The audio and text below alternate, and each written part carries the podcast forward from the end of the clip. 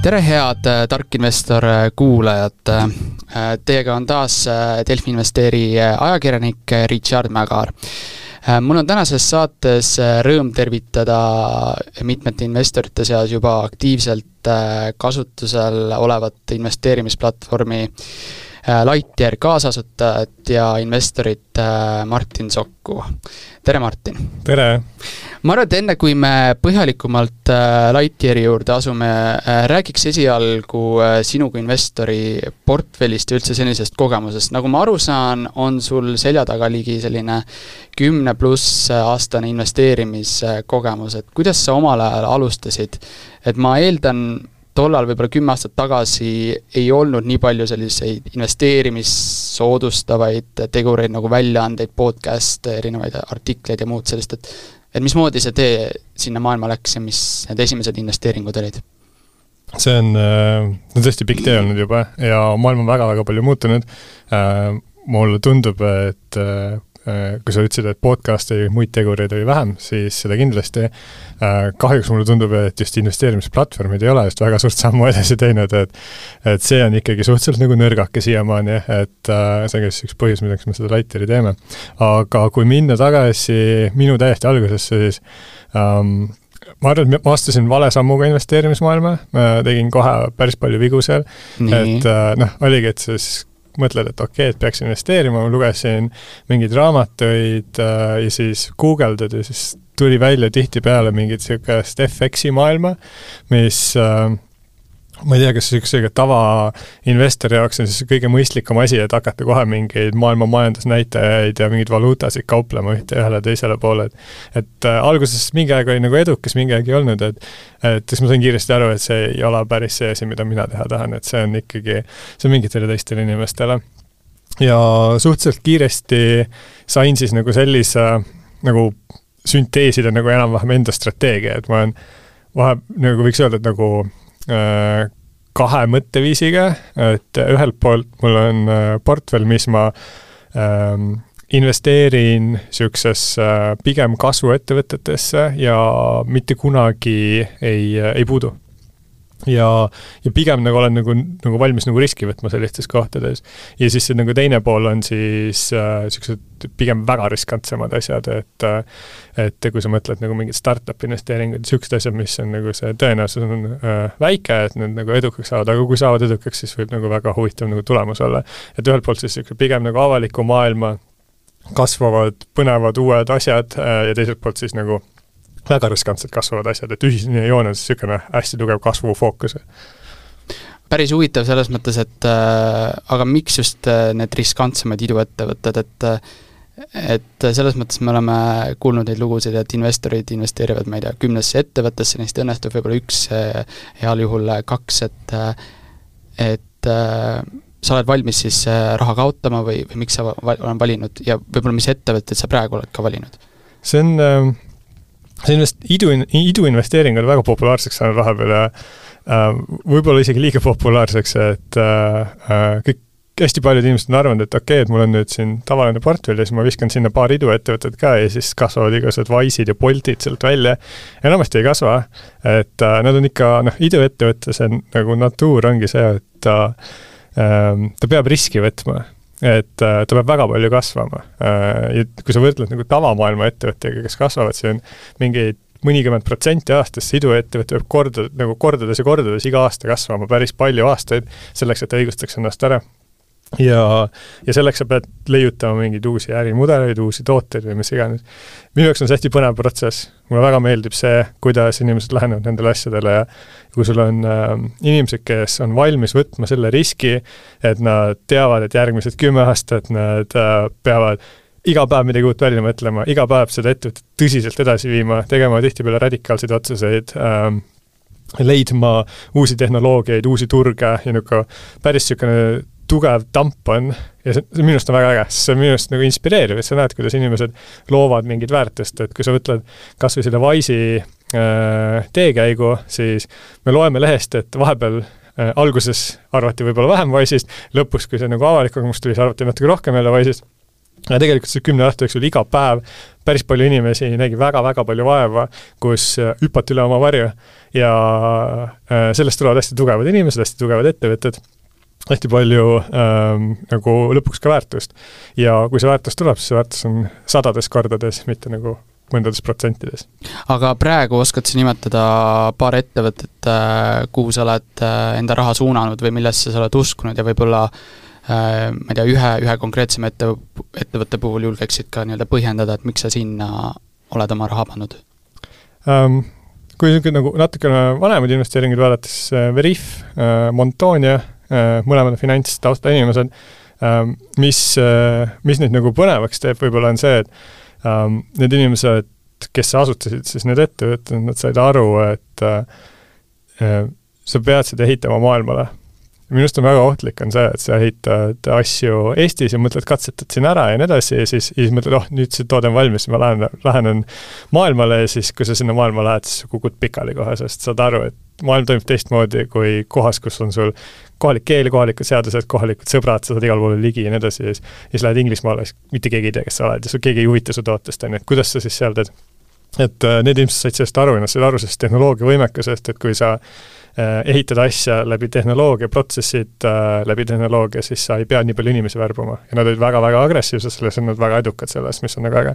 et kui siin nagu võib-olla teisest otsast vaadata, et mingeid uusi äh, investeeringuid viimasel ajal, näiteks STEMi, kes äh, mõtleb äh,, kuidas lahendada ära äh, inimeste õppimist, et õpetavad äh, noortele, lastele matemaatikat. ja mis on nagu äge, on see, et need noored on tohutud matemaatikafännid. Nüüd, nad kasutavad mingit äppi mi-, ja nad fännavad seda, nagu särasilmis õpivad seda matemaatikat, mis on minu arust nagu täitsa unikaalne nagu asi maailmas, et et sa tihti ei näe seda, et noored nagu on nii elevil mingist matemaatikaõpikust, et nad ei, ei suuda nagu seda maha panna ja see on minu arust põnev, see näitab midagi, et seal on mingi väärtus sees. Nad ei ole jõudnud küll maailmasse täna veel liiga suurelt, aga nad on nii alguses, et ma arvan, et kui nad selle äh, Äh, suudavad skaleerima panna, siis sellest tuleb väga-väga suur väärtus mitte ainult investorile, vaid tegelikult ju inimkonnale üldse aga kui jätta nüüd kõrvale need iduinvesteeringud ja võtta nii-öelda muud varaklassid, kuhu sa mujal oled veel äh, nii-öelda investeerinud, äh, aktsiad, indeksfondid, valuutad, mingid muud, ma ei tea, kinnisvara, et no kui ma võtan oma portfelli laiali, et siis mul on väga suur osa Wise'i seal ja mm. Wise on sellepärast, et ma töötasin seal pikalt ja siis ma sain äh, mingi osa Wise'i aktsionäriks. kui äh, suur osa julged öelda äh,? Wise'i üleüldisest yeah.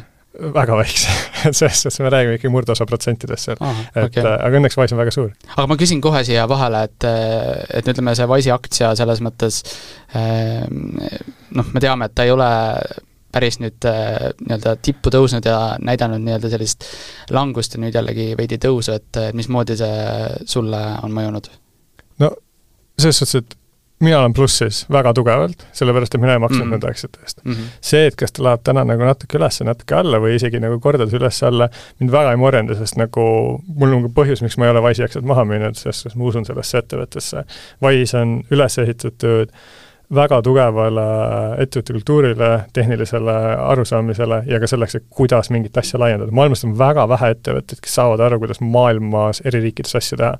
et äh, tihtipeale on see, et minnakse USA-sse ja USA-s saadakse aru, kuidas see toode töötab ja kui lendab, siis on nagu väga palju inimesi seal aga need USA ettevõtted ei oska näiteks väga hästi Euroopasse tulla. ja eurooplased ise ka ei oska Euroopas ettevõtteid ehitada, lihtsalt sellepärast, et prantslased mõtlevad ühtemoodi, sakslased mõtlevad teistmoodi, räägivad ka eri, eri keelt, on ju, ja siis on britid, keda on ka mingi kuuskümmend viis miljonit, kes räägivad järgmist keelt ja järgmisi loogikaid ja siis on vaja veel Brexitist kuidagi üle saada, et et kõike seda see keerukus on nagu äh, väga raske enamuse inimeste jaoks, enamuse ettevõtete jaoks, siis kui tulevad ettevõtted, kes suudavad opereerida nii keerulises erinevate riikidega maailmas, siis nad suudavad ka maailmasse minna kõikidesse teistesse riikidesse. ma arvan, et Wise on üks väga unikaalne selle koha pealt, nad oskavad mõelda, et nende toode nemad ei lähe oma toodet peale suruma, vaid nad ehitavad kohalikule inimesele väga hea toote ja siis need kohalikud inimesed armastavad seda toodet. et äh, ma olen väga bullish ikkagi selles mm. ettevõttes. nii et sina oma osalust veel ikkagi hoiad äh, kümne kuinega kinni?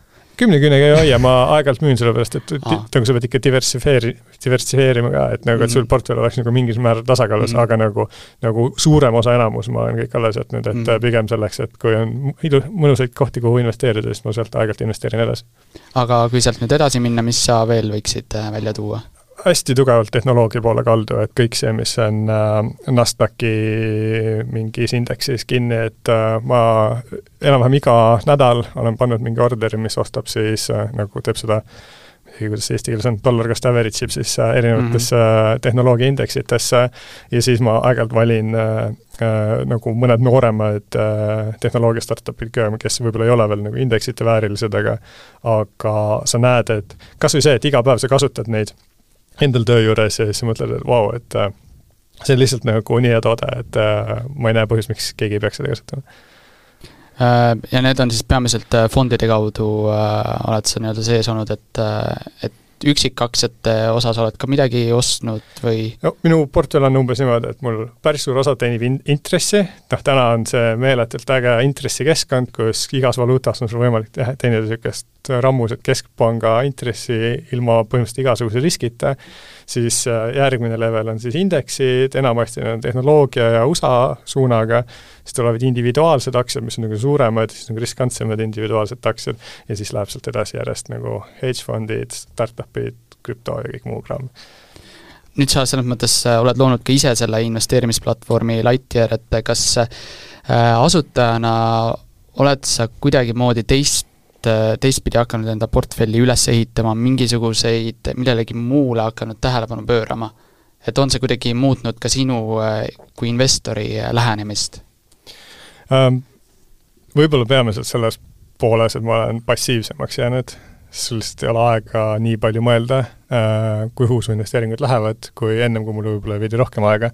aga ma arvan, et see ei ole, ma ei ole unikaalne nagu selles, et see, et enamus inimestel on elu pärast investeeringuid ka, ent äh, nad teevad oma päris tööd, neil on päris elu, äh, perekonnad, muud asjad, et et ma arvan, et see on ka nagu üks põhjus äh,, miks me selle Lighteri nagu alustasime, et et nendel inimestel, kellel ei ole seda aega, et siis nagu võiks ka need investeeringud ära juhtuda, et äh, aga kuidas need siis juhtuvad mis on siis see, mis on nii lihtne ja loogiline ja hea, et mis võimaldaks sulle seda teha, teha ja ei võtaks sul seda aega ära, et äh, ma investeerin nagu, ma arvan, et nagu tehniliselt samamoodi äh,, aga vähem äh, ja võib-olla veidi passiivsem. ma saan aru, et sa sisuliselt võiksid öelda, et sa oled täna finantsvaba? jah aga võib-olla äh, läheks investeeringute juures ka sinna, et mis su võib-olla viimane selline investeering äh, oli? minu viimased investeeringud, ma võtsin äh, äpp, oma äpi lahti, ma äh, kõige viimane investeering on, et äh, ma ostsin money market fund'e äh, BlackRockist. Ja lihtsalt sellepärast, et nendel on tohutult hea intress äh, ja äh, väga mõnus koht, kus oma sularaha hoida või noh, cash'i hoida. ja järgmised on, äh, ma olen Vanguard SB500-it ostnud päris palju ja siis ka üksikaktsiatena tegelikult kõik, mis seal SB500 eesotsas on, on Microsoft, Apple, Amazon, aga ka Snowflake, äh, mis äh, teeb päris huvitavat andmelahendust ja ka lisaks näiteks Alibaba ja Adyen, nii et aga... tehnoloogia hästi tugevalt mm -hmm. tehnoloogias kinni. aga sa ei karda, et see tehnoloogia nii-öelda ralli siin üks hetk ka saab suure paugu, nagu mitmed äh, analüütikud või eksperdid natukene kahtlustavad? ma arvan, et tehnoloogia ralli ei ole algust saanud veel mm. -hmm. ma istusin paar aastat tagasi USA-s niisuguses ähm, äh, venture capital'i fondis nagu Ribit Capital, kes on üks maailma äh, Äh, fintechi kõige tugevamaid investoreid. ja mul oli hästi valgustav nagu intervjuu, jutuajamine nendega, kus, kus äh, nad nagu selgitasid ja näitasid, kui palju on tehnoloogiat puudu veel maailmast. et me oleme teinud igasuguseid asju, aga me tegelikult äh, ei ole nagu, nagu tehnoloogia võimekusi ära kasutanud. ma toon sulle näite, näiteks, et äh, kui sa võtad TransferWise'i või Lightyeari, siis äh, Äh, meie ja Wise ehitavad sel-, tehnoloogia nagu fookusega.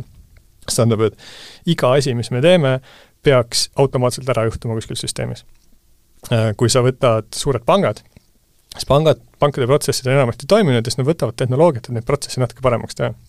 Mis see vahe nagu on, on see, et nad ei suru kõike seda protsessi tehnoloogiasse, vaid nad võtavad mingid üksikud kohad, kus nad toovad selle sisse, et näiteks mingi laenu, kodulaenu avaldus on ikkagi, et täidad veebis vormi, mis on tehnoloogiline, siis keegi vaatab seda üle, kes, mis on manuaalne, siis ta teeb mingeid esimesed hinnangud seal, siis ta toksib selle kuskile äh, riskimudelisse sisse, siis ta saab aru, et tal on infot puudu, siis ta kirjutab sellele inimesele, võtab seda infot tagasi jälle, mis on jälle manuaalne protsess, siis on mingi riskikomitee, kes teeb jälle manuaalselt mingit protsessi ja siis lõpuks saadab sulle meili, mis on siis tehnoloogiline protsess, on ju. et kui sa võtaksid kogu selle ja kaotaksid kõik manuaalsed asjad sealt vahelt ära ja sa saaksid nagu kohe öelda vastuse, äh, sest see risk on kohe sisse ehitatud, sa kohe küsisid õige informatsiooni või said selle kätte, siis sul ei ole neid inimesi vaja sinna. ja nüüd sul on võimalus niisugune huvitav asi teha, et sa ei pea seda ainult Eestis pakkuma, äh, vaid sa saad seda pakkuda näiteks kogu Euroopas ja sa saad seda skaleerida ja sa ei pea värbama tuhandeid ja tuhandeid inimesi, kes seda protsessi edasi lükkavad. et ma arvan, et see nagu muudatus ei ole maailmas juhtunud veel, et päris paljud asjad ikkagi toimivad niimoodi, et jah, me kasutame tehnoloogiat, tegelikult on see manuaalne. et mm. äh, ma olen väga optimistlik selles suhtes, et kui palju on võimalik nagu viia maailma edasi ja palju väärtust on võimalik läbi selle luua. aga ütleme, erinevad need ostud, mis sa oled teinud, kas äh, neid sa teed peamiselt enda platvormi kaudu? nüüd ma teen kõik enda platvormi kaudu Äh, mi-, millal see otsus või tuli või millal sa kõik sinna üle viisid või? no meil on, äh, ma täna äh, kõik, mis ma nagu avaliku maailma investeeringutest teen, ähm, viisin üle USA ettevõtted natuke aega tagasi juba, aga kuna me launch isime Euroopas siin ähm, umbes aasta tagasi, siis koos sellega, kus meie platvorm on paremaks saanud, olen siis järjest nagu viinud üle, et näiteks meil Äh, tulid ettevõtte kontod siin mingi pool aastat tagasi, siis mul oli võimalik oma ettevõtte asjad üle viia, siis meil tulid äh, äh mingi aeg tulid ETF-id, siis ma viisin ETF-id üle, kohalikud aktsiad ja kõik nii edasi, et seda on nagu ükshaaval nagu viia. tänaseks me oleme jõudnud sinna, kus nagu päris suur osa on nagu seda avaliku maailma asju võimalik üle tuua, et äh, mul on äh,, Eesti aktsiaid meil ei ole äh,, mul ka ei ole äh,, sellest ma nagu täna veel puudust ei ole tundnud väga paljud kliendid tunnevad, et sellest töötame selle nimel, et nad saaks ka sinna platvormile. nii et Tallinna börsilt, ma saan aru, sul äh, endal nagu ei ole ühtegi aktsiat? Ma ei, mul, ma isiklikult ei oma ühtegi asja Tallinna börsil mm. -hmm okei okay,, päris huvitav äh,. Aga võib-olla miks see huvitav huvitav sellepärast, et äh, ma ei tea, tavaliselt kui alustatakse, siis soetatakse um,? Tallinna börs on äh,, äh, ei vasta minu sellele kriteeriumile lihtsalt, et äh, Tallinna börsil ei ole äh, kasvuettevõtteid mm. -hmm. et äh, LHV võib-olla on kõige sarnasem asi on kasvuettevõttele, kes, kes nagu äh,, kellel on potentsiaali nagu nagu kordades midagi teha. Äh, enamasti on suhteliselt nagu tublid ettevõtted, kes teenivad raha, äh, tihtipeale makstakse korralikku dividendi, aga Äh, mind see dividend nii väga ei huvita, ma tahaks nagu kordajat näha ja, ja kui seda ei ole, siis mul ei ole mõtet investeerida. okei okay. äh,, aga rääkides nüüd äh, Lightyearist, et äh, võib-olla sa põgusalt äh, selgitaks seda, et mismoodi Lightyear alguse sai, et äh, ma saan aru, et suuresti see tuli äh, su enda investeerimisvajadusest ja sellest, et sa nägid, et tasud olid igal pool kõrged ja see algas niimoodi, et äh, mina ja mu kaaslased Mihkel üks päev äh, saime kokku ja hakkasime arutama erinevaid asju, kuidas investeerimine käib ja siis saime aru, et meil on mõlemal on niisugune äh, veider kogemus kogu aeg, et sa nagu, sul on ligipääs maailma investeerimisasjadele, aga see kunagi ei ole hea et alati on nagu kõik asjad mingi kriibivad, et kas sul üritatakse vahelt võtta kuskilt mingeid põhjendamatuid tasusid äh,, mingid onboarding on tohutult keerulised äh,, tihtipeale võib-olla mingit ligipääsu aktsiatele ei ole ja ma arvan, et Mihkel kirjeldas seda väga hästi, et kui et sa ise saad nagu hakkama, aga kui sul tuleb sõber ütleb, et kuule, kuhu, kuhu ma peaks minema, et investeerida, siis nagu veits piinlik on öelda ükskõik keda, sest igal pool on natukene halb see kogemus. siis me otsustasime, et vaatame selle asjale nagu tõsisemalt sisse ja avastasime, et see probleem ei ole mitte ainult meil ja Eestis, vaid see probleem on tegelikult viiesajal miljonil inimesel Euroopas, et USA kuidagi on jõudnud päris palju ette meist ja Euroopas ei ole. et erinevates riikides on erinev probleem ja tase, aga aga niisugust ühtset platvormi, kes siis nagu kõik need inimesed ja kõik need mured ära lahendaks, seda ei ole ja me otsustasime keskenduda siis võib-olla niisugusele äh, vanakooli maailmale, et nagu avalikud ettevõtted ja avalike ettevõtete ligipääs ja see, ja seda teha lihtsalt nagu kümme korda paremini igas aspektis. ja seda me lihtsalt oleme teinud nüüd. aga Lightyear selles mõttes et-, ettevõtlusväljal on sinu nagu esimene katsetus või oled sa juba varem ka proovinud mõnda startup'i ettevõtet käivitada kuidagimoodi um,? Mitte liiga tõsiselt, et nagu minu taust on äh,, alustasin äh, Hansapangas, sealt kolisin Eesti Energiasse äh,, kus mõlemas leidsin äh, erinevaid tooteaspekte ja siis liitusin äh, startup'iga, kellest ma ei olnud varem midagi kuulnud, nimi oli TransferWise ja siis veetsin seal päris tükk aega aega, ehitades ka toodet ja siis äh, pärast TransferWise'i äh, ma arvan, et võib-olla siis kokku panna kõik see kogemus mu eelmisest taustast ja ka Mihkli kogemus eelmisest taustadest, siis see viis meid siis Lightyearini ja juuli keskel, äh, nagu ma aru saan, täitus teil, ütleme Eesti, Eesti alal täitus siis aasta ja ja noh, ütleme niimoodi, et võib-olla praegu just see investeerimiskeskkond ja selline aktiivsus ei ole võib-olla väga kiita, et mismoodi üldse platvormil see käivitamine ja, ja ja on möödunud, et kas kõik on läinud plaanipäraselt ja, ja see kasv ja, ja kõik?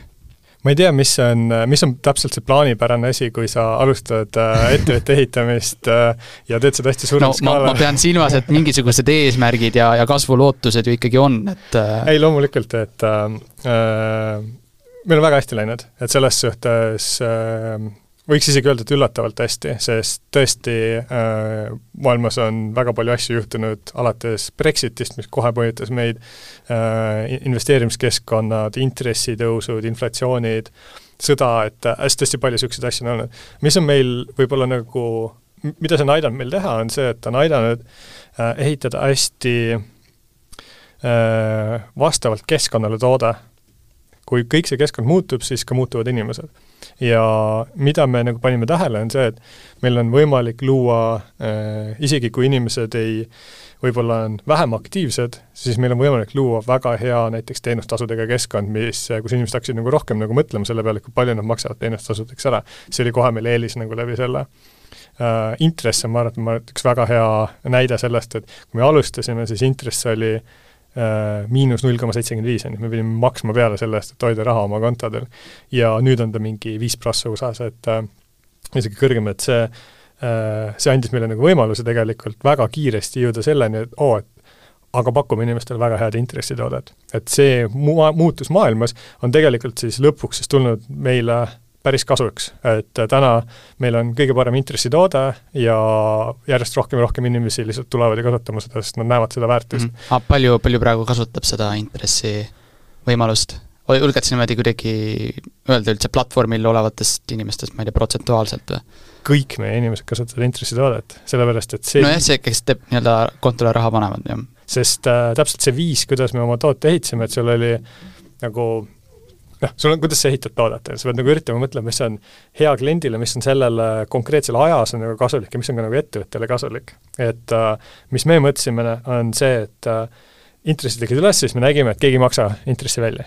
siis, et okei okay,, see on päris niisugune nahaalne, on ju, et äh, et sa tõstad kodulaenu makseid kogu aeg, aga noh, intressi ei maksa inimestele. siis mõtlesin, et okei okay,, et meil on hea võimalus siis pakkuda inimestele seda teist otsa, et me anname päris suure intressist, mis meie siis saame erinevatel keskpankadel, maksame siis kliendile tagasi me jõudsime selle otsuseni, et me võtame võimalikult vähe äh, nagu äh, teenustasu selle pealt ja anname nagu enamus osa kliendile tagasi, lihtsalt sellepärast, et A, see teeb toote väga heaks, aga B, see annab ka nagu võimaluse meile ehitada tegelikult tehnoloogilist platvormi, et me ei jää kinni sellesse, et me saame nüüd palju raha siit. sest äh, äkki üks hetk seda intressikeskkonda ei ole viie aasta pärast, siis me oleme ehitanud vale toote jälle, on ju. et äh, me tahaksime, et meie toode toimiks kõikides keskkondades ja keskenduks eelkõige kliendile väärtuse loomist ja meie siis nagu ehitame siis seda tehnoloogilist poolt, et meil ei oleks äh, kalleid äh, protsesse äh,, kalleid partnereid, muid kalleid asju seal, et me suudaksime siis inimese väärtuse otse turule panna nii otse kui vähegi võimalik ja sellest siis teenida väga väikse osa.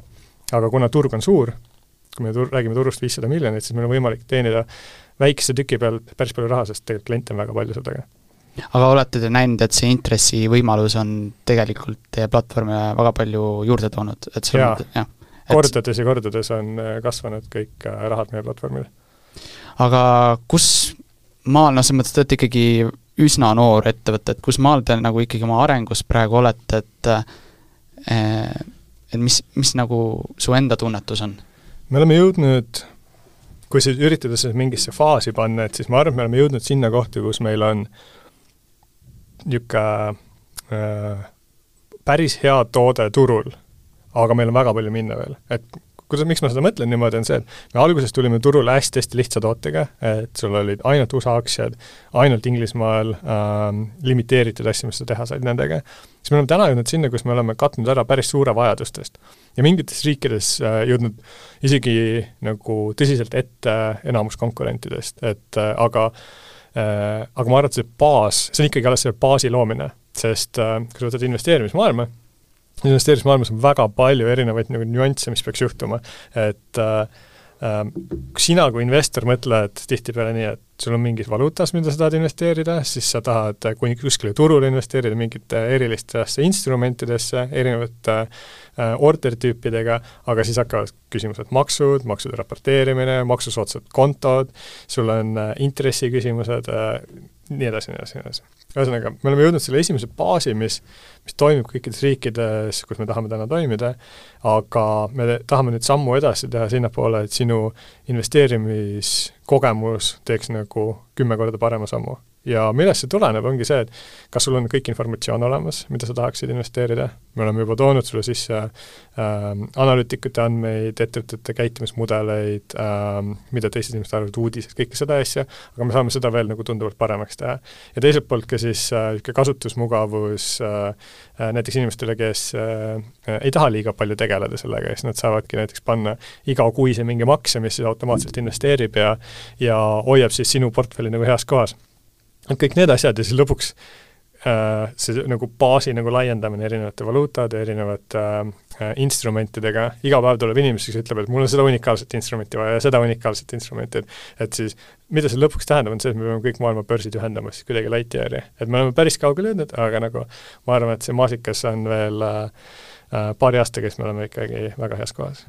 Aga oskad sa nüüd äh, nimetada ühe konkreetse, ma ei tea, uuenduse arengu, mis siin lähikuudel, ma ei tea, järgmisel poolaastal tuleb, et ähm, ma saan aru, et siin hiljuti andsite välja nii-öelda veebiplatvormi ja, ja, ja samuti ka see võimalus, et see ettevõtetele, või tähendab, mitme omanikuga ettevõtetel on võimalik konto teha, kusjuures ma pean tunnistama, et ma ise seda mõnda aega tagasi proovisin ka kuidas tuli välja? ja ma pean ütlema, et registreerimisprotsess oli väga lihtne ja mugav, võrreldes, ma ei tea, näiteks Interactive Brokersiga või midagi taolist. aga see verifitseerimine või konto aktiveerimine võttis ikkagi omajagu tunde aega, et kas see on selles mõttes tavaline või millest see, millest see sõltub? See sõltub sellest, et äh, aitäh tagasiside eest kõigepealt, see on äh, väga väärtuslik, et äh, me äh, ühe inimesega ettevõttel on palju lihtsam see, sest seda nüanssi, et kes siis tegelikult omab seda ettevõtet, kes on äh, juhtkonnas ja nii edasi, on palju vähem, kui sul on mitme inimesega ettevõte, siis me peame küsima seda informatsiooni erinevatelt inimestelt, erinevad inimesed peavad verifitseerima ja nii edasi, see läheb järjest keerulisemaks nagu erinevad ettevõtete tüübid ja nii edasi.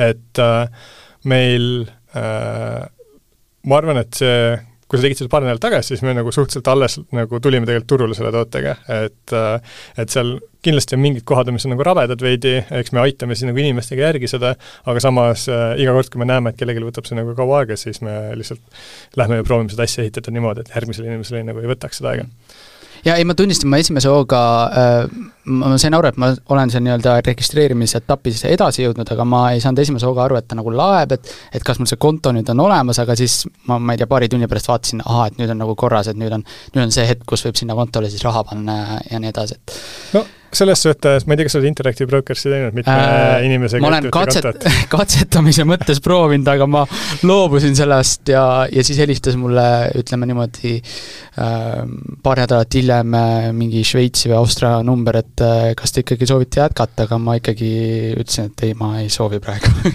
see on tohutult valus tihtipeale, meil on nii palju kliente, kes ütlevad, et kolm kuud proovisid ja siis andsid alla, et see nagu lihtsalt jookseb üle pea kõik see kokku. ja ma võin ka öelda, miks see nii on, et äh, Interactive Brokers äh, ei ole mõeldud tegelikult ju Eesti inimesele ega Eesti ettevõttele. see on äh, USA toode, mida on siis kohendatud siia ja nad on ka professionaalne tööriist. ja professionaalsel tööriistal on tihtipeale äh, sa pead kõiki maailma ettevõtteid ja vorme ja igast muid asju suutma kuidagi onboard ida endasse. see tähendab, et seda nüanssi on nii palju.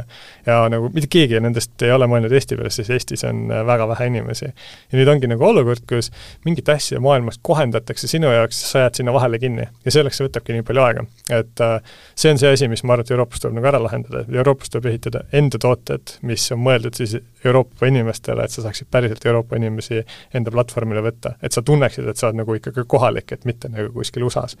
ja see on üks ka põhjuseid, miks äh, tihtipeale erinevad USA investeerimisplatvormid üritavad Euroopasse tulla ja neil ei õnnestu, et noh, Robinhood on võib-olla ehe näide selles suhtes, et nad proovisid, nad lihtsalt ei saa aru, kuidas Euroopa turg toimib nojah, selles mõttes ongi äh, investorina keeruline, et kui see verifitseerimisprotsess on niivõrd vaevarikas ja, ja sa ei saa aru, et mis seal toimub, siis see nii-öelda see kasutajakogemus ja siis jääb tihti nagu katkendlikuks ja tihti see huvi selle platvormi kaob ära, et selles mõttes Lighteri puhul äh, õnneks seda momenti ei tekkinud, et, et ikkagi see ettevõtte konto sai avatud ja, ja sellega läks hästi selles mõttes. see on hästi oluline nüanss minu arust ja miks ta on oluline, on see, et ähm, kui sa vaatad Euroopasse, siis viisteist protsenti Euroopa inimesi investeerib. ja tihtipeale mõeldakse, et see investeerimine, see on niisugune teadjate inimeste asi. Tegelikult nagu ei ole, on ju, et tegelikult võiks nagu hästi nagu rahulikult ja passiivselt kõik inimesed võiksid investeerida. nüüd on siis küsimus, et äh, kohe, kui sa jääd kinni sinna, nii-öelda keerulisse teadjate inimeste maailma, siis annab, nagu sa ei taha sealt edasi minna. et äh, kui sinusugune investor ei lähe sealt läbi, on ju, siis kuidas sa nagu mõtled, et nagu nii-öelda inimene, kes võib-olla alustab, sealt läbi läheks, et see, see ei ole normaalne. see tähendab, et need protsessid peavad olema võimalikult lihtsad. ja siis selle peale sa pead ehitama toote, mis saab aru, et noh, kellel kellele see toode mõeldud on, et kui sa oled ikkagi nagu alustav inimene, siis ta peaks olema võib-olla natukene lihtsam ja vähemate võimalustega, kui sa oled nagu rohkem ähm, äh, Äh, kogemustega kasutaja, siis sul võib-olla peaks olema neid võimalusi võimalik välja tuua endale järjest rohkem, et siis sa peadki ehitama päris mitmetahulise asja. aga rääkides võib-olla ka majandustulemustest, äh, et hiljuti siin äh, avaldasite ka enda selle äh, nii-öelda majandusaruande ja sealt on tegelikult näha, et see eelmise aasta kahjum oli üks koma kuuskümmend kuus miljonit, et kas see on noh, ma ei tea, ma ei saa küsida, et kas ta oli ootuspärane, aga, ja ma saan aru, et ettevõte on varajases nii-öelda kasvufaasis, on ju, aga olete te nii-öelda arvutanud või mõelnud, et millal võiks jõuda kasumlikuks?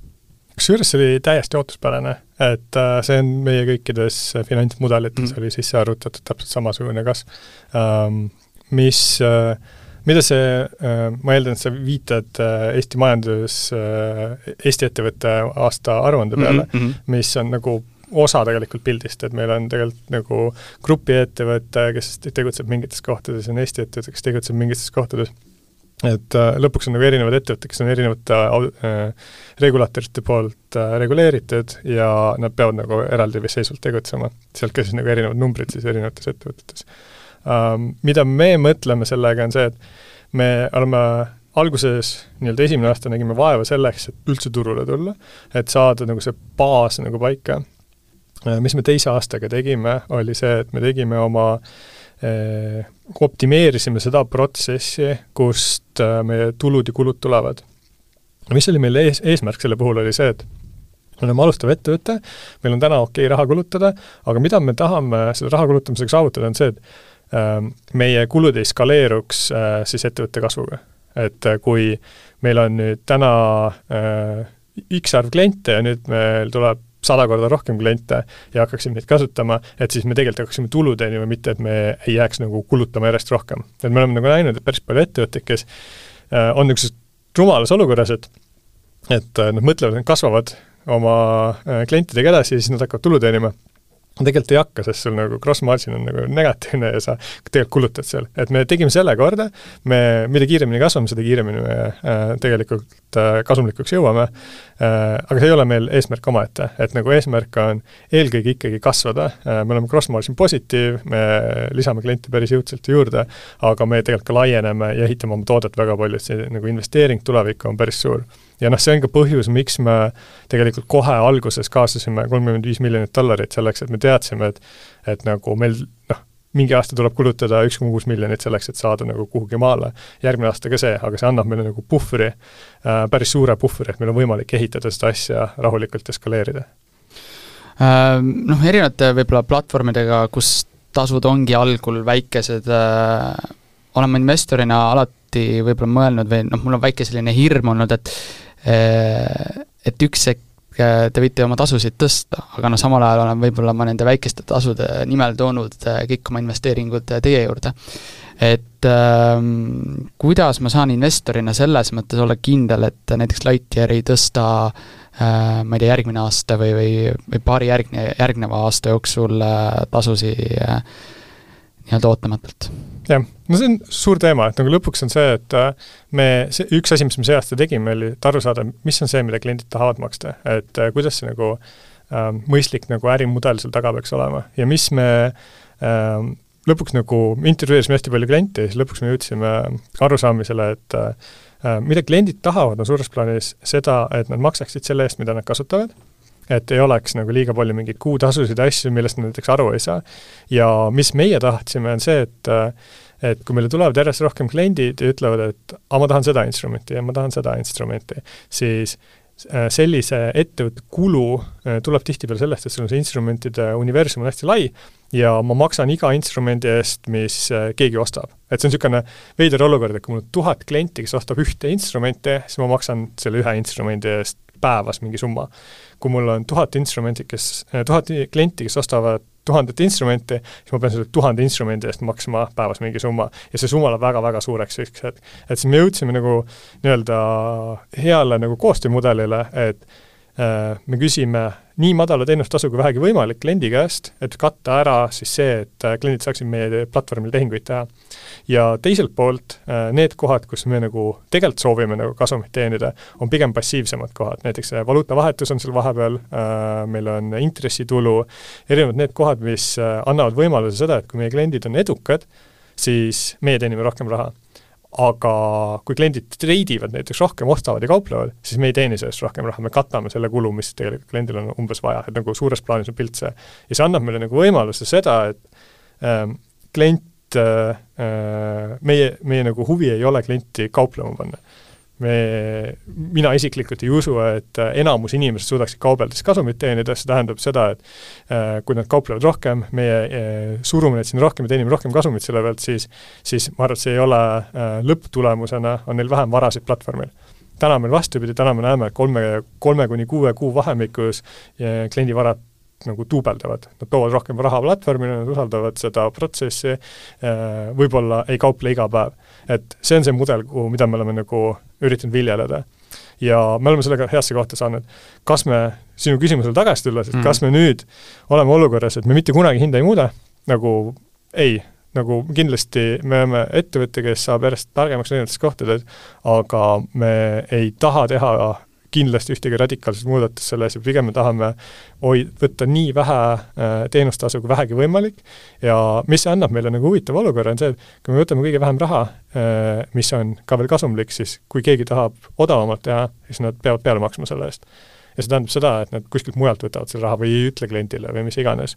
et me tahame olla hästi nagu läbipaistvad, võtta kõige vähem raha, skaleerida ja läbi selle tekitada olukorda, et kliendil on kõige parem viis. Äh, kui sa küsid, et äh, kas meil on plaanis muuta hindu, ei ole äh, ja tõenäoliselt ei ole, me oleme täna heas kohas nagu pikemaajaliselt aga mis on nagu, mis on meie jaoks huvi, on see, et kui me näiteks saame oma protsessi paremaks, siis me tegelikult tahaks hindu langetada. et äh, täna oleme Euroopas ikka sellises kohas, et USA tehingud on kümme korda odavamad kui Euroopa omad. ja nad on odavamad kümme korda sellepärast, et äh, USA infrastruktuur on nii palju paremini üles ehitatud, Euroopas me peame ikkagi integreerima nii paljude erinevate äh, osapoolte ja turgude ja, ja clearing ja settlement'i muude nagu majadega, kes võtavad väga palju raha et kui meil on võimalik seda protsessi optimeerida, siis oleks päris äge, kui me saaksime tegelikult hinna ikkagi natuke rohkem alla tuua ja võrdsustada võib-olla see Euroopa ja USA äh, ma arvan, et kindlasti sa oskad võib-olla anda ka mingisuguse hea põhjenduse selleks, et äh, et miks siis ikkagi ütleme, teie platvorm ja, ja noh, on ka erinevaid teisi platvorme, kes pakuvad pankadega võrreldes äh, soodsamat teenustasu, et et mis hinnaga see tuleb, et miks siis need pangad on nii kallid? no et kas nad on, kas nad, kas seal on ahnus või, või on seal, või siis on see protsessid kuidagi keerulisemad või? siin on palju erinevaid näitajaid, aga kui ma võin, võin hakata loetlema neid erinevatest kohtadest hakka otsast minema. aga ma alustaks sellest, et äh, minge vaadake äh, kasumiaruandeid nendes ettevõtetes. et äh, kui kasumlikud on mingid ettevõtted. et tegelikult nagu pangad on tohutult kasumlikud ettevõtted. ja see kasum võib-olla, võib-olla ei peaks nii suur olema isegi kui me lähme, võtame Interactive Brokers, siis mine vaata, kui palju Interactive Brokers raha teenib. see on meeletu. see osa, mis nad teenivad per klient, on ikka väga-väga suur et nagu tegelikult päris palju raha võetakse kliendilt ikkagi ära, et me näeme, et nagu tegelikult on võimalik võtta nagu palju vähem raha kliendilt ja ehitada väga head toodet ka väga hea ettevõte. see on nagu üks asi. kui me nüüd nagu pankade juurde lähme, siis pankade peamine probleem on see, et nad ei ole ju investeerimisettevõtted. Nende panga peamine roll on ikkagi anda laenu ja võtta hoiust. see on see, kus raha teenitakse, see on see, kus on fookus. see tähendab, et kõik pank siis surub oma kliendid sinna ja siis kõik ülejäänud asjad on niisugune nagu järelmõte veidi investeerimine on tihtipeale seesama asi. ja nüüd, kui sa tuled nagu Euroopasse ja äh, investeerimine on järelmõte, siis sa ei lähe läbi selle vaeva, et sa integreerid otse kõikide börsidega, kõikide clearing house idega, kõikide settlement'ide, kõikide äh, valuutavahetuslahendustega ja nii edasi, sest ei tee seda, sa lähed ostad selle kuskilt sisse ja kui sa ostad selle kuskilt sisse, siis nad ongi kallid, sest sul neid vahemehi on seal nii palju seal vahel. et tegelikult on võimalik seda asja palju odavamalt teha. et kui sa võtad näiteks sama Interactive Brokersi näide, kes on tegelikult läinud nagu väga tugevalt integreerinud ennast kõiki maailma infrastruktuurisüsteemidesse, Euroopas küll vähem kui kui ülejäänud maailmas, sest noh, pool Euroopat on katmata tegelikult nende poolt. aga, ja nemad suudavad ikkagi päris head äh, nagu margin'it teha oma äriga. et ma lihtsalt arvan, et see nagu, see viis, kuidas pangad toimetavad, see on kohalik äri kohalikele inimesele veidi teise suunaga, kui tegelikult investeerimismaja oleks vajalik hmm.. et äh, see ei ole väga erinev sellest, kuidas Transferwise opereerib et nagu kui sa mõtled selle peale, et TransferWise, kui sa tahad raha liigutada Eestist USA-sse, siis sa liigutad seda sisuliselt TransferWise'i sees läbi kohalike maksemeetodite, sest Wise'il on olemas ligipääsud kõikidesse maailma äh, süsteemidesse. kui sa tahad Eestist saata läbi panga USA-sse, siis on sul SWIFT makse, kus võetakse kõigepealt suur, suur FX enne seda, kui SWIFTi pannakse ja siis SWIFTiga läheb, iga hopp läheb kaduma natuke ja siis läheb läbi mingi seitsme panga ja siis ta jõuab kunagi võib-olla USA-sse. et kõik see nagu kokku panna ongi see, et pangad on kohalikud, äh, nendel ei ole rahvusvahelist infrastruktuuri, äh, see ei ole nende fookus, äh, nad ei ole investeerimistoodet tegelikult ehitanud, nad ei ole tehnoloogilised ettevõtted mm, -hmm. nad ehitavad ikkagi protsessi. aga kas see, ütleme, see suur hinnaerinevus siis võib tähendada, et ütleme, ma ei tea, aasta, kahe, kolme, nelja, viie pärast võib juhtuda see, et paljud, kes võib-olla investeerivad pankade kaudu, tegelikult kolivadki rohkem platvormidele üle. Kolivadki? et, et selles mõttes, et et palju see kadu võib pankade jaoks olla? ma arvan, et päris suur on, selles suhtes, et äh, Wise'il läks mingi seitse aastat ennem aega, kui pangad hakkasid märkama, et äh, Äh, rahvusvahelised maksed kaovad ära nende platvormidelt. aga kas see võiks siis tähendada, et ka pangad äh, hakkavad äh, nii-öelda teenustasudega mängima ja astuvad sellesse nii-öelda hinnasõtta? no selles suhtes oleks päris äge, et äh, kui nad tuleksid äh, ja teeksid parema hinna, siis nagu lõpuks turg võidab sellest. Äh, ma usun, et me ehitame lihtsalt palju parema toote, et see nagu sa lihtsalt ei ole võimeline tooma oma hinda sellisele, sellisesse kohta, et sa ehitad veel meist parema toote ja parema hinna. et seda ma ei usu ja nagu äh, jällegi, et pangal ei ole seda tehnoloogiat, neil ei olegi võimalust seda nii nagu odavalt teha, nad peavad väga suuri investeeringuid tegema selleks, et see oleks võimalik. ja meie satume veel niisugusesse olukorda, et kui me opereerime kogu Euroopa turul, siis meil on ligipääs viiesajale miljonile inimesele, et kui sa opereerid Eestis pangana näiteks, siis on sul ligipääs noh, miljonile inimesele. et see skaalavahe tekib ka sisse. et nagu äh, nagu isiklikus huvis mulle tegelikult väga meeldiks, kui tuleks agressiivsemaid äh, pakkujaid turule, kes pakuksid paremat toodet, paremat teenust, sest lõppude lõpuks on see, et kui äh, me toom-, kui need inimesed tulevad turule, toovad järgmisi kliente turule, siis me saame selle viisteist protsenti, mis inimesi täna Euroopas investeerib, palju suuremaks. see tähendab, turg läheb suuremaks. et äh, ei pea ainult meie võitlema, et on palju rohkem võitlejaid seal. ja siis lõpuks otsustab see, kellel on parem toode. ja noh, ma olen suhteliselt kindel selles, et mis toodet me ehitame ja kuidas me teeme. et lõpuks võidab sellest klient ja meie. aga võtame näiteks konkurendid, et äh, ma siin tegin äh, hiljuti ka sellise platvormi ülevaate, seal ma tõin ka Trade Republicu näiteks mm. -hmm. minu teada kuskil eelmise aasta nii-öelda oktoobris tulid nad siis Eestisse, et äh, noh, ütleme, seal on ka päris suured rahad taga ja nii edasi, et et et ja päris suur valik, et mismoodi, mismoodi Lightyear erineb või, või mismoodi üldse teistest konkurentidest, mis on see eelis täna um,? Ma arvan, et kui sa mõtled meie Euroopa konkurentide peale, siis äh, ma tegelikult ei nimetaks Trade Republicut seal, kuigi nad mhm. on äh, tõenäoliselt ühed kõige põnevamad startup'i nagu laadse lahenduse ehitanud äh,. Meie konkurendid on täna äh, ikkagi pangad.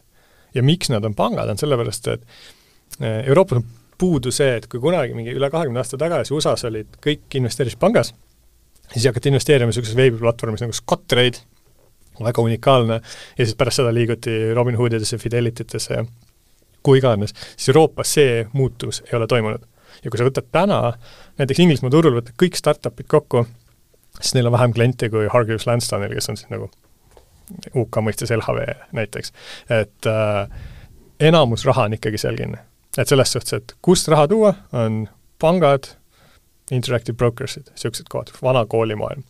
siis uutest asjadest ähm, ma arvan, et Trade Republic on võib-olla kõige põnevam äh,, ma ei oska ühtegi teist sinna kõrvale väga panna, kes midagi väga põnevat teeks, sest nemad on ainukesed, kes saanud aru, et Euroopas on rohkem inimesi kui nende koduriik, kõik, kes on, enamasti, kes on britid, nad arvavad, et UK on äh, ainuke asi Euroopas ja nad unustavad ära, et seal on üle neljasaja miljoni rohkem inimesi tegelikult teistes riikides ähm,. Äh, Trade Republic on sakslased, nemad on äh, väga palju raha kaasanud äh,, nad on päris kaua seda toodet ehitanud ja nad on vist ainukesena nagu tõsisemalt nagu hakanud laienema ja mõtlema selle laienemise peale. mis nende probleem on? on see, et äh, kui sul on riigis kaheksakümmend miljonit inimest nagu sakslastel, siis sa ehitad toote sakslastele. Sa unustad ära, et on ülejäänud Euroopas ka inimesi ja ülejäänud inimesed ei ole sakslased mitte nagu paha pärast, vaid nagu britid on teistsugused kui sakslased, eestlased on teistsugused kui sakslased ja nii edasi. ja tihtipeale seesama probleem tuleb esile, et kui sa oled nagu USA-s, siis sa arvad, et sa ehitad USA toote ja sa oled, üritad seda teistele pakkuda, sakslastele, siis sa pakud saksa toodet ka teistele.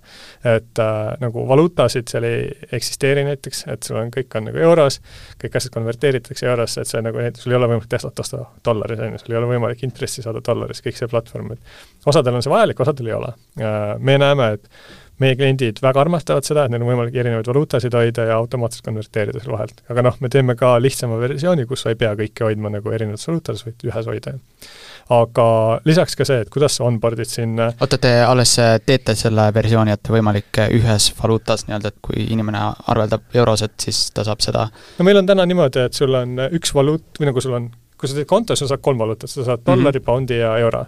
Sa võid sinna nendes valuutades raha peale panna ja siis, kui sa ostad euros ETF-i või dollari sees mingi Teslat või mis iganes, siis kas sa konverteerid ise või ta konverteerib automaatselt äh,, aga sul on võimalik hoida kolmes valuutas mm. -hmm. mida me nagu küsisime klientidelt, on sul on mingid inimesed, kellel, kes alustavad, ütlevad, et neid on liiga palju, neid valuutasid, ütlevad, et kuule, et aga tehke nii, et mul on ainult üks konto ja kõik automaatselt konvertitub seal taga. et siis sa ei pea mõtlema selle peale, et sul on mingi dollarikonto või midagi seal, et noh, me lihtsustame seda mingite inimeste jaoks.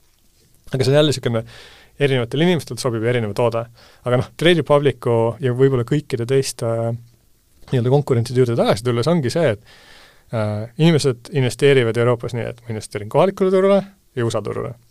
see tähendab, sa pead kõikide riikide kohalikud turud sisse tooma, sa pead kohalikud maksusüsteemid sisse tooma, sa pead maksemeetodid sisse tooma, kohalikud valuutad sisse tooma ja nendest regulaatoritest ka aru saama seal, et seda nüanssi on palju. et kuigi nad on ma arvan, et nagu tootes nagu päris hea sammu edasi teinud, seda kohalikust asja on veel nagu, on kõvasti minna seal. kui suur praegu Lightyear äh, meeskonna mõttes on ja, ja kus te üldse peamiselt asute? Äh, see teie kontor ja meil on kaks kontorit, meil on, üks on äh, Volta tänaval Tallinnas, mis on kõige suurem kontor meil, ja teine on äh, Inglismaal Shoreditch'is mm. -hmm. kokku meid on nelikümmend viis inimest täna, sellest kaks kolmandikku on Eestist ja üks kolmandik on Inglismaal.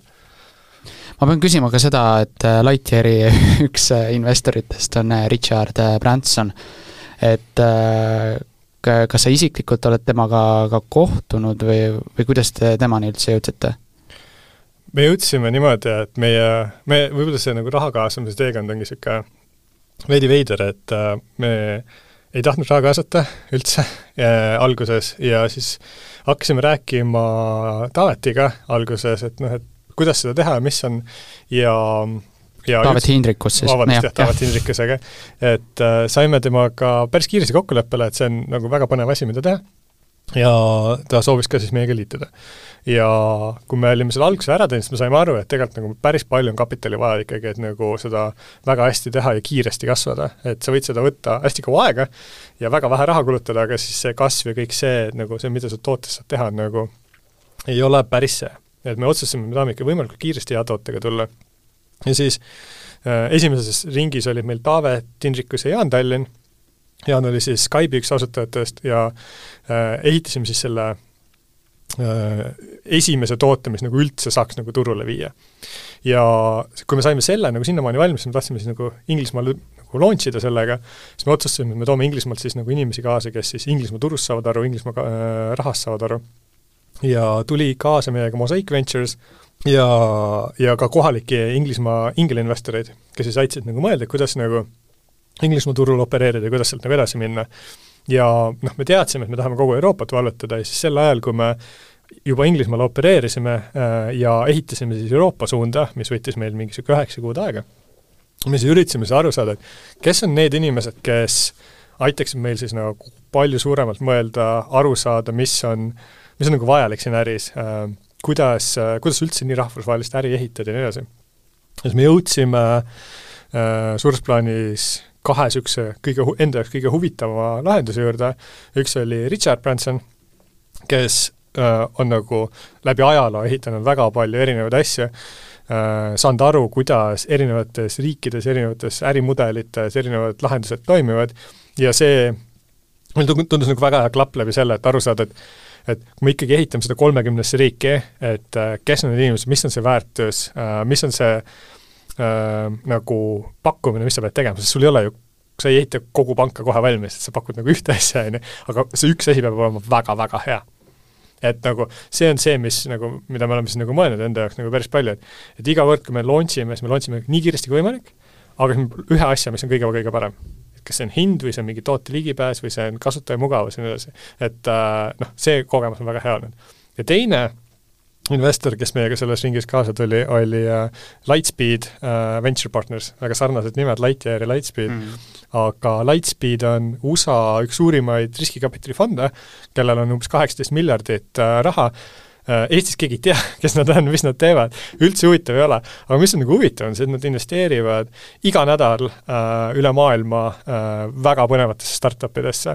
see tähendab seda, et neil on nagu sadu ja sadu startup'e ja kogemust äh, nagu jagada meiega. ja nüüd ongi see, et meil tegelikult on tekkinud siis niisugune baas inimestest, kes saavad aru, kuidas siis maailmas tooteid ehitada, et noh, Taavet kindlasti, Taavet ja Jaan kindlasti oma Wise'i ja Skype'i kogemusega, kuidas siit maailmast minna, siis Inglismaa investorid, kes oskavad siis sealtpoolt maailma vaadata, ja siis tegelikult nagu Richard ja, ja Lightspeed Ventures, kes nagu oskavad nagu maailma mastaabis, kellel on nii suur kogemuste baas, et noh, väga raske on võrrelda neid üldse kellegiga, et et see on meile väga-väga kasulik olnud. aga Branson selles mõttes tuli nagu lihtsalt kaasa sellega või, või või kuidas ta esimese hooga sellesse suhtus, sellesse ideesse?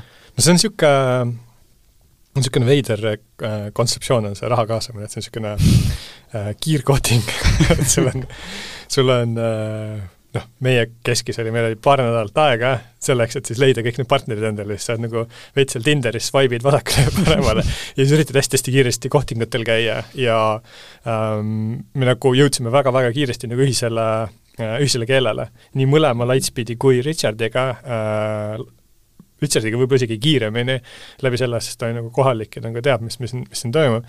Ähm, ja noh, ta on näinud seda nagu ambitsiooni ja seda, mis see probleem on. Ähm, Lightspeediga oli vastupidi, seal oli nagu huvitav, meie panime oma pitch deck'i lauale, ütlesime, et see on see, mida meie teha tahame, siis nemad panid enda oma sellest samast valdkonnast, siis mõtlesime, et okei okay,, see on midagi unikaalset ja siis, kui me tegime selle lahti, siis me saime aru, et see on väga sarnane, mida nemad on tahtnud teha. sest noh, nemad on suur fond, nad on vaadanud turgu ja kaks aastat tagasi nad kirjutasid niisuguse teesi, et mis peab Euroopas juhtuma ja see oli umbes see siis, mis meie nagu läksime nendele äh, jagama. ja noh, siis see ongi see, kus nagu päris kiiresti to-, toimub see nagu match ära kindlasti väga paljudel investoritel võib tekkida küsimus, kes ettevõtte kaudu ei investeeri, on just investeerimiskontoga nii-öelda ühildamine, et et kuida-, kus maal või, või kuidas praegu Lightyearis see, see võimalus on? Või ei ole? Uh, Lightyear ei paku täna investeerimiskontot ja seda ühel väga selgel põhjusel, et uh, Eestis seadused on kirjutatud uh, pankadele. et uh, kui sa oled investeerimisühing, ükskõik mis investeerimisühing sa oled, siis sa ei tohi investeerimiskontot pakkuda. mis on veidi naeruväärne.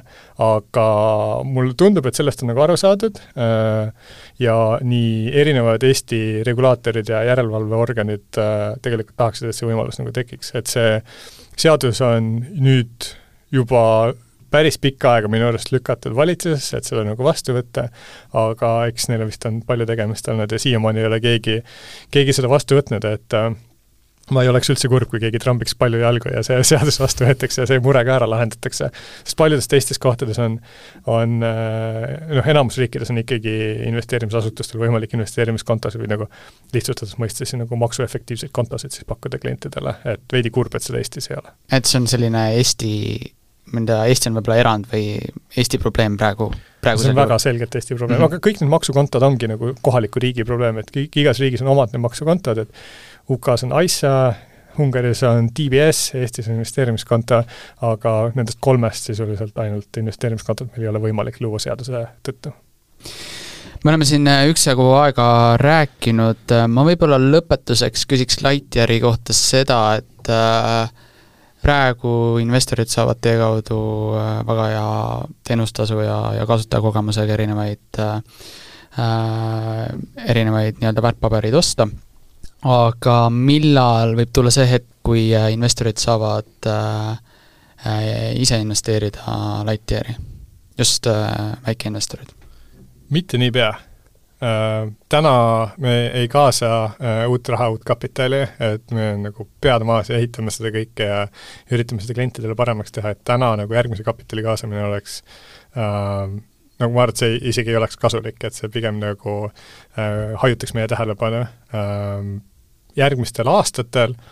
Võib-olla, me oleme natukene mõelnud selle peale, et kas seda teha kuidagi rohkem avalikult või mitte, aga nagu me algselt rääkisime, et on nagu hästi-hästi oluline see, et äh, et mitte inimesed ei investeeri lihtsalt meie ettevõttesse, vaid nad tegelikult aitaksid meil nagu edasi liikuda ja mõelda kaasa kogu aeg.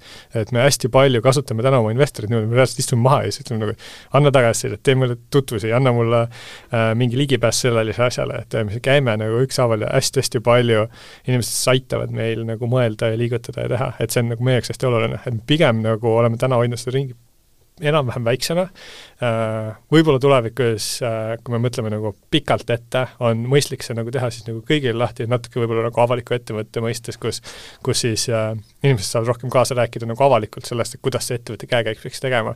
et aga ma arvan, et meil on natuke vaja ehitada ennem, et see platvorm jõuaks piisavalt paljudes riikides piisavalt heasse kohta, et me saaksime äh, rohkem avalikult ehitada kogu seda toodet ja, ja see oleks nagu suurem väärtus siis. aga ei saa salata, käisin ka investeerimisfestivalil ja, ja nägin seal nii-öelda Lightyeari ala või lava või kuidas seda nimetada mm. -hmm. ja, ja, ja tundub, et siin ikkagi Eesti, Eesti mõistes olete ka ikkagi väga suurt osakaalu pannud siia sellele Eesti inimesele, et äh, oskad sa öelda, palju hetkel äh, nii-öelda osakaalu mõttes Eesti inimesi teie platvormi kasutab või, või mis see number enam-vähem võiks olla? see on, ähm, see võib-olla isegi no veidi üllatus meile olnud, äh, aga noh, tagantjärgi mõtled, see kõik tundub nagu loogiline, et sa ehitad äh, kõige parema toote sellele turule, millest sa kõige paremini aru saad. et äh, Eesti, kes on võib-olla võrreldes paljude Euroopa riikidega tegelikult võrdlemisi väike, siis täna on Eesti meil selgelt teisel kohal meie klientide, meie varade arvust äh, ja ka päris palju kogu meie fookust on läinud Eesti peale. Ja noh, see tulenebki lõpuks sellest, et me saame aru, mis on kliendi mure, me oleme võimelised sellele murele nagu kiiresti vastama ja itereerima selle pealt, et et me äh,, tundub, et on võimalik äh, äh ka väikesel turul Äh, tegelikult need nagu suhtarvud on ikkagi nagu päris suured, et see probleem on suur ja ja inimesi, kes tahaksid seda raha, mis tahaks nagu platvormil head väärtust saada, on päris palju. ja see ikka on meie nagu fookus, et meie äh, esimene asi, mis, äh, kui me Euroopas launch isime, siis sa võid arvata igast asju, suured riigid ja mis iganes, siis number üks asi, mida inimesed küsisid, on kus on ärikonto. ja see on nagu noh, Eestis on see nagu põhimõtteliselt nagu number üks küsimus, kõikides teistes riikides seda nagu nii vähe, nii palju ei ole, sest teistes riikides on nagu ärikonto ikkagi nagu suurtele äridele ja lahendus, siis Eestis on see ikkagi väga paljudel inimestel ka nagu ähm, Äh, organisatsioon, mille kaudu nad investeerivad siis oma, oma raha näiteks. Äh, või siis investeerivad äh, headel maksuseaduste võimalustel raha, mis on siis ettevõtlikust tulust üle jäänud, et et see on võrdlemisi unikaalne. et natuke on seda Lätis mm, -hmm. natuke on seda veel kuskil mujal, aga see oli number üks asi. Et see ja nüüd ka siis nagu mitme kasutajaga ärid, see on täiesti pah-, plahvatuslikult tegelikult platvormile mm mõjunud ja mis äh, kes see esimesel kohal on, äh, kui, kui Eesti on teisel kohal? Inglismaa. ahah, mm, okei okay.. no Inglismaal on lihtsalt nagu kontor ja kuuskümmend miljonit inimest ja, ja aasta kauem olen turul, turul olnud, et see on andnud meile võimaluse, aga Eesti on nagu sööstnud täiesti sinna nagu järgi, et see on päris äge. ja äh, Eesti inimesed on, Eestis on üldse vist see investeerimise tase on kuidagi kõrgem, et äh, ma arvan, et see on osaliselt siis investeerimisfestivalid, kõik need influencer'id, erinevad podcast'id, kui palju nagu tegeletakse selleks, et inimesed oma vara investeeriksid. ja väga vähe näeb seda teistes riikides, et äh, selliseid noh, investeerimisfestivali suguseid asju ma ei ole veel näinud maailmas, et äh, et need on ikka väga-väga haruldased, et et minu arust see on nagu toonud sinna, kus inimesed ei äh, ei lähe sinna nagu kasiinosse, vaid nad lähevad päriselt investeerima. et see on minu arust nagu äge, et kui sa vaatad nagu maailma äh, finantsinfluencer eid, siis äh, enamasti maailmas on niisugused, et oo, et Tesla läheb üles ja nüüd kauple, tõmba sinna, ja siis sa lähed vaatad Eesti influencer'it, siis öeldakse, et kuule, et kõigepealt maksa oma võlad ära, on ju. ja siis nagu äh, võta järgmine samm on see, et mine pane oma pensionisambad täis, on ju, ja siis mine pane sinna kuskile mujale. ja minu arust see on tohutult äge. et nagu mina usun väga sellesse, et nagu äh, pikaajalise väärtuse loomine ja Eestis on see kuidagi nagu väga õigesse kohta sattunud, et, et ma arvan, et see nagu viib Eesti päris kaugele igatahes äh, mul oli väga hea meel, äh, Martin, et äh, sa täna tulid, veidi Lightyeari taustast rääkisid, samuti enda nii-öelda investeerimismõtetest ja, ja mis mul muud üle jääb, kui soovida edu! aitäh sulle!